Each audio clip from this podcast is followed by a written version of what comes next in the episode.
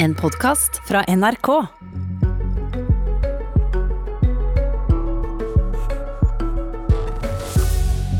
Er vi på vei inn i ei kommuneøkonomisk koronakrise? Eller er det litt for fristende å bruke viruset som unnskyldning hvis en ikke har helt orden i eget budsjett?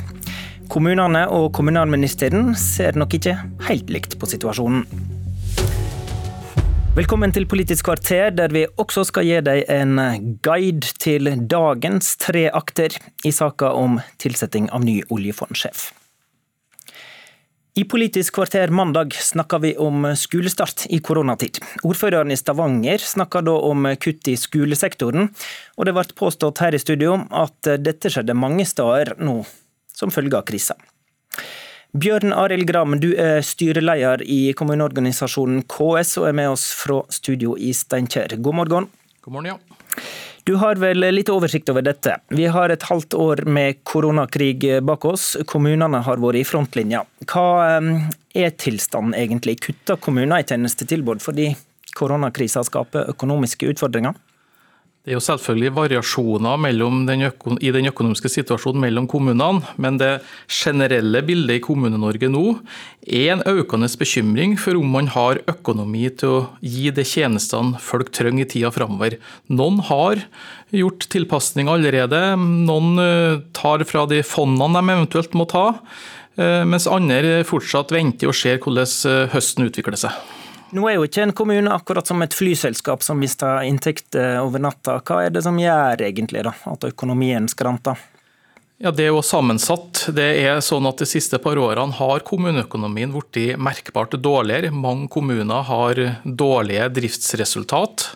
Eh, og Budsjettarbeidet for i år var vanskeligere inn på lenge, og det før korona. Vi har fått usikkerheter med korona på toppen. Eh, og Det er jo ikke nødvendigvis for det fylles på så dårlig med penger til kommunene heller, men det er jo rett og slett fordi at vi har en underliggende kostnadsvekst i sentrale tjenester, ikke minst innenfor omsorgen, som gjør at behovene vokser enda fortere. Og Det er jo helheten i kommuneøkonomien som er viktig, og med usikkerhet på korona på toppen, så er utfordringene enda større, selvsagt. Er det akutte pengeproblemer, altså likviditet likviditetskrise, som en kaller det? Nei, ikke først og fremst. Kanskje med unntak av kollektivselskaper i fylkeskommunene. Har det heldigvis kommet god kompensasjon pga. kraftig inntektsfall som følge av redusert reise, reising der. Da. Eh, men det her handler jo først og fremst om en underliggende økonomi, mer enn eh, den likviditeten du har akkurat nå. Mm. Men eh, hvis jeg skal tolke det rett, da, så er det mm, usikkerhet som kanskje er det mest framtredende akkurat nå? Ja, Det er en del av eh, situasjonen. og Det er veldig viktig for det året vi er inne i, at regjeringa nå raskt utover høsten kommer til Stortinget med oppdaterte anslag over kostnadsøkning, inntektsbortfall, men nå i forhold til de anslagene knytta til lønns- og prisstigning, skatteinngang, sånn at kommunene så raskt som mulig kan få forsikringer om at man slipper å kutte tjenestene utover året. Eh, men i tillegg så er det jo viktig å Vi er nå i en fase på året hvor at man driver og jobber med budsjettene for neste år i kommunesektoren. Og når det, og når det er 2021 så er usikkerheten og bekymringa stor for om man klarer å opprettholde og utvikle tjenestetilbudet. Ok. Kommunalminister Nikolai Astrup fra Høyre, du sitter her i studio. Er det et uh, mål å ta oss gjennom koronakrisa uten kutt i kommunale velferdstjenester? Vårt mål er at kommunene skal være i stand til å levere gode tjenester både under krisen og etter krisen. Og men ikke uten kutt? Nei, men jeg tror det er veldig vanskelig å si at ingen kommer til å være helt uberørt av den største globale pandemien siden spanskesyken. Og det gjelder også kommunesektoren. Eh, vi ser jo hvordan næringslivet sliter, hvor mange permitterte det er i privat sektor. Eh, og selv om vi har sagt at vi skal eh, kompensere for de mindre inntekter og merutgifter som kommunene har knyttet til korona, så betyr ikke det at man kommer til å være helt uberørt. Det er mye kommunen gjør som, som påvirkes indirekte av krisen. For så ser vi at Oslo kommune hadde et tap på, eller mindreinntekter på 700 millioner kroner knyttet til lavere kraftinntekter i år. Som ikke bare har med korona å gjøre, men som kanskje også har med korona å gjøre. og det Eh, den type ting kan ikke vi kompensere for. Så, men vi er opptatt av at eh, vi skal eh, stille opp for kommunene, og det har vi jo også gjort. Altså, Vanligvis så er det slik at kommunene kan vente seg en vekst på kanskje mellom 2 og 3 milliarder i friinntekter i løpet av et år. Hittil i år så har kommunenes handlingsrom økt med 26 milliarder kroner. Bare for å sette dere et bilde på at vi faktisk stiller opp, og det skal vi fortsatt gjøre. Men den usikkerheten som Bjørn Arild Gram her snakker om, den kjenner jo alle på. Den kjenner regjeringen på. Vi skal også lage budsjett for neste år. Mm. Uh, og Jeg har stor forståelse for at kommunene nå uh, er usikre på hva fremtiden bringer. Men den må, den må kommunene leve med, da? Ja, jeg tror vi må leve med noe usikkerhet, fordi det er jo ingen som vet hvordan dette kommer til å spille seg ut. Det er ingen som vet hvordan eh, denne epidemien kommer til å bre seg, hva slags type smittesituasjon vi har, og hvilke kostnader det gir samfunnet over tid. Gram. Ja, at at, at, handlingsrommet til kommunene har økt med 26 milliarder i år, det, det synes jeg blir en feil måte å si på. Det er jo en delkompensasjon for bortfall av inntekter og økte kostnader. De fleste kjenner jo på at det har blitt strammere i år og mindre handlingsrom. Eh, men jeg vil utfordre Astrup på eh, Nå skal jo regjeringa om få dager sin budsjettkonferanse, eh, hvor man legger planene for kommuneøkonomien annet for neste år. Og Det er jo helt opplagt at vi står i en situasjon hvor at vi også vil ha koronakonsekvenser for budsjettene neste år. Kommunene må jo nå før jul vedta realistiske budsjett som balanserer. Det følger av lovkravene som Stortinget har satt. Og Det må jo nødvendigvis bety at man også allerede nå i statsbudsjettet må legge inn ekstra midler til kommunene, så man får til en realistisk budsjettering, og ikke vente til ut i neste år med å se på hvordan dette går. Vil regjeringa følge opp det? Jeg kan ikke forskuttere hva som kommer i statsbudsjettet for 2021, det tror jeg også Gram vet utmerket godt.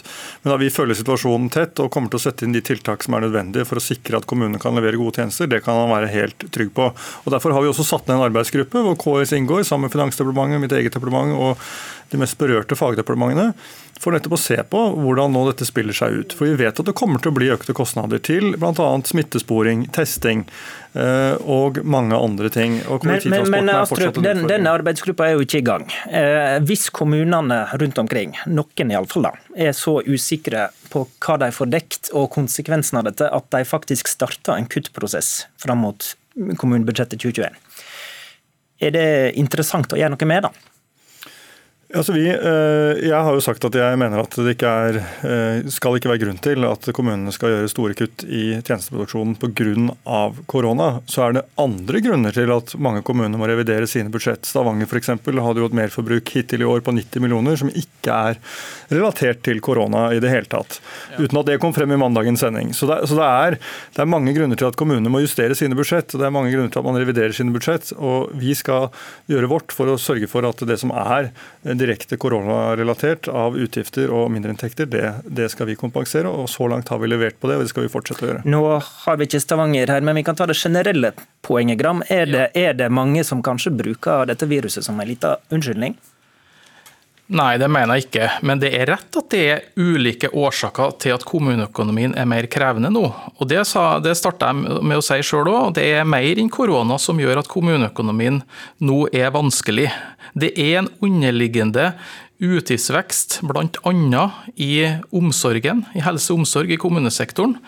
Eh, som langt overgår det som eh, statlig påfyll til kommunene dekker opp for. Og Det er en hovedforklaring. Og Det må jo, det spiller egentlig ikke noen rolle om hvilken årsak det er. Spørsmålet er jo hvordan settes kommunene i stand til å levere de tjenestene både folk trenger og forventer, og også regjeringen forventer av kommunene.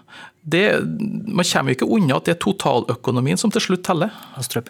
Jeg er helt enig i det. Man kommer ikke utenom det. Men heldigvis så hadde jo kommunene et godt utgangspunkt da vi gikk inn i denne krisen. Eh, litt i motsetning til det Gram her fremstiller det som. Kommune-Norge har altså kommunal, kommunal sektor har 60 milliarder kroner på bok. Eh, og mye av det er bygget opp gjennom de siste årene. Men han peker på kostnadsveksten, først og fremst. Ja, men det betyr jo at det har vært mulig å bygge opp en buffer over de siste årene. og Det betyr jo at den må de ta ut nå. kommuneøkonomien har vært ganske god de siste ja. årene. Okay. Så den skal de ta ut nå i krisetid, da? Jeg bare skal utfordre oss på det. Jeg bare utfordrer på historien her. At det har vært så dårlig kommuneoppgjør, og derfor så sitter nå kommunene med store jo, jo, men jeg spør, spør deg, Astrup. Mener, altså du, mener du Astrup, at kommunene skal bruke av bufferen sin nå? Jeg mener at uh, kommunene har bygget om en buffer for å bruke den uh, i de tilfeller hvor de trenger den. Uh, mm. og Så skal ikke det nødvendigvis være koronarelatert, men jeg mener at det er bra at kommunene har en buffer, fordi det kommer, de, det, det treng, kommer alltid godt med. Så er jeg enig ja, med Gram. Men, gram, jo, jo, men vi skal ta Gram på det. Er ikke det greit, da? Dere, mange av dine medlemmer Gram, har, har penger på bok. Ja da, det har man. Kommunene har 60 milliarder, staten har 10 000 milliarder. Eh, så vi har jo litt å gå på, vi òg. Eh, men mye av det fondene de siste årene er korrekt, det er bygd opp de siste årene, men som følge av ekstraordinær engangs skatteinngang. Ingen kommuner kan legge sine budsjett med utgangspunkt i sparepengene. Det skjønner alle at ikke går. Det er den løpende drifta som må balansere. Men, men, til slutt, men til, slutt, til slutt, Gram, det er mange som taper i disse tider eh, pga. krisa. Da. Staten taper arbeidstakere, bedrifter. Er det rimelig å forvente at kommunene på en måte skal gå uskadd gjennom dette økonomisk? Men nå tar man jo, tar man jo tap knytta til finansplasseringer, til utbytte osv.